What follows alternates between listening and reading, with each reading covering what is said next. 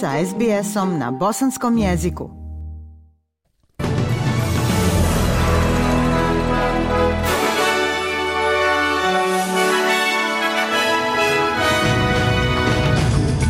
U današnjim vijestima poslušajte. Australija uvodi dodatne sankcije Rusiji nakon što je anketirala četiri ukrajinske teritorije. Najmanje 50 mrtvih od uragana Jan u Sjedinjenim državama – Iz nacionalne ragbi lige dva zapadna kluba iz Sidneja pripremaju se za odlučujući duel ovogodišnje sezone. Slušate vijesti SBS radija na bosanskom jeziku. Savezna vlada Australije najavila je da će uvesti dodatne sankcije Rusiji nakon što je proglasila aneksiju četiri teritorije u istočnoj Ukrajini. Na ceremoniji u Moskvi ruski predsjednik Vladimir Putin proglasio je aneksiju Donjecka, Luganska, Zaporožja i Hersona tvrdeći da su tamošnji ljudi na referendumu glasali za taj potez, ali međunarodna zajednica osudila je ovaj potez kao otimanje zemlje nazvavši referendum referendum lažiranjem. Australijska ministrica vanjskih poslova Penny Wong i državni tužilac Mark Dreyfus objavili su zajedničku izjavu nazivajući aneksiju nezakonitom, a referendum nelegitimnim. Najavili su da će Australija uvesti financijske sankcije i zabranu putovanja za 28 separatista, ministara i visokih zvaničnika koje je imenovala Rusija.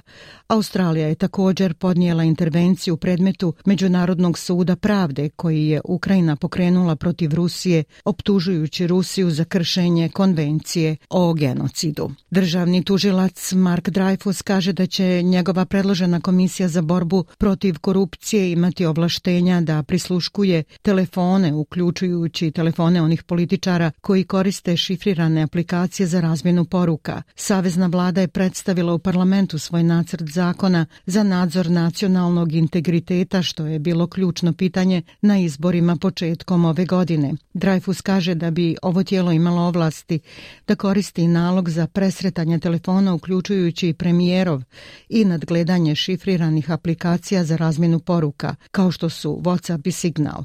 Mark Dreyfus je rekao za ABC da vjeruje da se nacrtom zakona postiže pravi balans između odgovornosti i zaštite ugleda ljudi. I think everyone needs to watch out. Mislim da svi moraju upaziti. Ne želimo da korupcija zarazi naš sistem vlasti. Zato konačno stvaramo komisiju za borbu protiv korupcije za Australiju. Prijedlog zakona je dobio podršku savezne vlade i opozicije, ali su zeleni i nezavisni članovi donjeg doma izrazili zabrinutost zbog ovlasti predloženog tijela da održavaju ravne rasprave samo u vanrednim okolnostima. Ministar odbrane Australije Richard Miles održava trilateralne sastanke sa svojim američkim i japanskim kolegama kako bi razgovarali o savezu između tri zemlje. Ministri će na sastanku u Honolulu na Havajima razgovarati o svojim ojačanim vezama za indopacifičku sigurnost, stabilnost i prosperitet. Očekuje se da će na dnevnom redu biti i protivljenje ratu Rusije sa Ukrajinom. Američki ministar odbrane Lloyd Austin kaže da je njegova zemlja ponosna što Australiju i Japan ubraja među svoje najbliže saveznike. America is proud to count Australia and Japan. Decenijama su naše tri demokratije radile rame uz rame kao sidro za stabilnost i prosperitet u Indo-Pacifiku i širom svijeta. Zajedno smo povezani našim dubokim prijateljstvom i posvećenošću demokratiji i zajedničkom vizijom za slobodnu i otvorenu indopacifičku regiju. Zvanični broj mrtvih od uragana Janu u Sjedinjenim državama popeo se na najmanje 50, iako se očekuje da će se još povećavati s hiljadama ljudi koji se još uvijek vode kao nestali. Florida i Sjeverna i Južna Karolina sada se suočavaju sa zadatkom velikog čišćenja od oluje, koja je jedna od najžešćih koja je ikada pogodila Sjedinjene države, uzrokujući milijarde dolara štete okrug Lee County u Floridi podnio je najveći teret razaranja s 35 zabilježenih smrtnih slučajeva, dok je uragan četvrte kategorije pogodio obalu zaliva s vjetrovima od 240 km na sat. Na popodnevnom briefingu u Vaučali guverner države Ron DeSantis rekao je da napori za oporavak idu dobro. Uh, you had Wawa and these gas stations that were open. And I'm just trying to think. Imali ste otvorene prodavnice Vave i benzinske pumpe. Hurricane? i samo pokušavam da pomislim kada je u suštini bio uragan kategorije 5, a onda manje od 48 sati kasnije, imate otvoren supermarket u jednom od područja koja su bila najteže pogođena. Ono što se dogodilo na Floridi je primjer da ste imali odličnu državnu i lokalnu koordinaciju. Hiljade ljudi protestovalo je u Ujedinjenom kraljevstvu kako bi uspostavili vezu između rastućih računa za energiju i klimatske krize. Demonstracije su održane u mnogim gradovima, uključujući Glasgow, Belfast i London, u kojem su se ljudi organizovali na trgu parlamenta u Westminsteru, dovodeći tu oblast u zastoj. Aktivisti i grupa, uključujući Extinction Rebellion i Just Stop Oil, pozivaju vladu Ujedinjenog kraljevstva da smanji cijene energije prije zime. Aleksandra Concidine jedna je od demonstrantkinja i rekla je da želi da ljudi pokažu svoje protivljenje ogromnoj dobiti koju ostvaruju naftne i gasne kompanije tako što će prestati plaćati svoje račune. It kind of says what it is, don't pay UK means don't pay your energy bills. Ovdje piše šta je to. Don't pay eh, UK, znači ne plaćajte svoje račune za energiju. Naš cilj je da natjeramo milion ljudi na štrajk i da se riješimo njihovih direktnih zaduženja i da otkažemo plaćanje računa dok ne uspijemo natjerati vladu da smanji račune za komunalije na pristupačne nivoe od ranije. Protesti i u Španiji. Hiljade katalonaca okupilo se u Barceloni kako bi obilježilo petu godišnicu referenduma o nezavisnosti koji je glasao za odvajanje od Španije. Glasanje za nezavisnost 2017.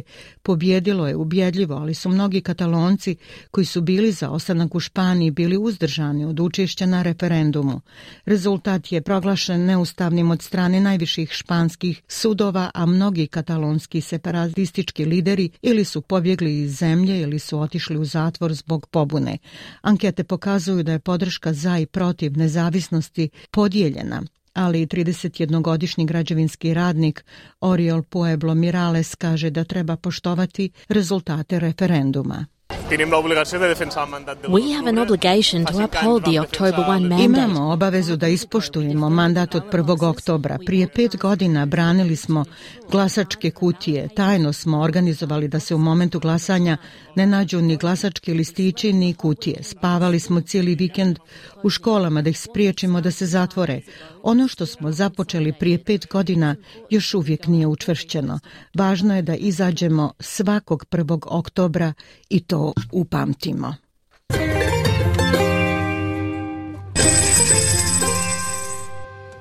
Prema kursnoj listi australski dolar danas vrijedi 0,64 američkog dolara, 0,65 eura, 0,57 britanske funte i 1,28 bosanske konvertibilne marke.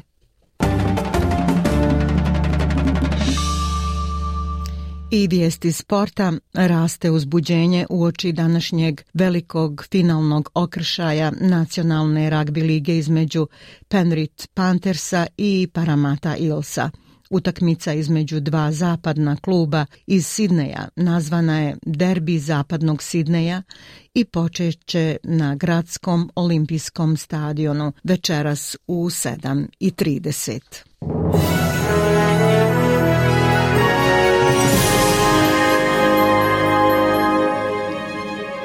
I na kraju vijesti poslušajte vremensku prognozu i temperaturne vrijednosti za veće gradove u Australiji.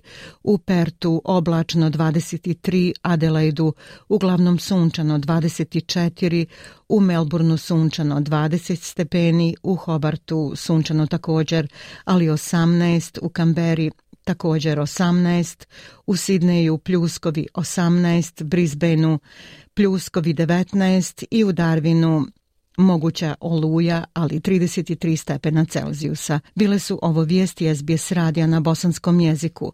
Ja sam Aisha Hadži Ahmetović. Ostanite i dalje uz naš program.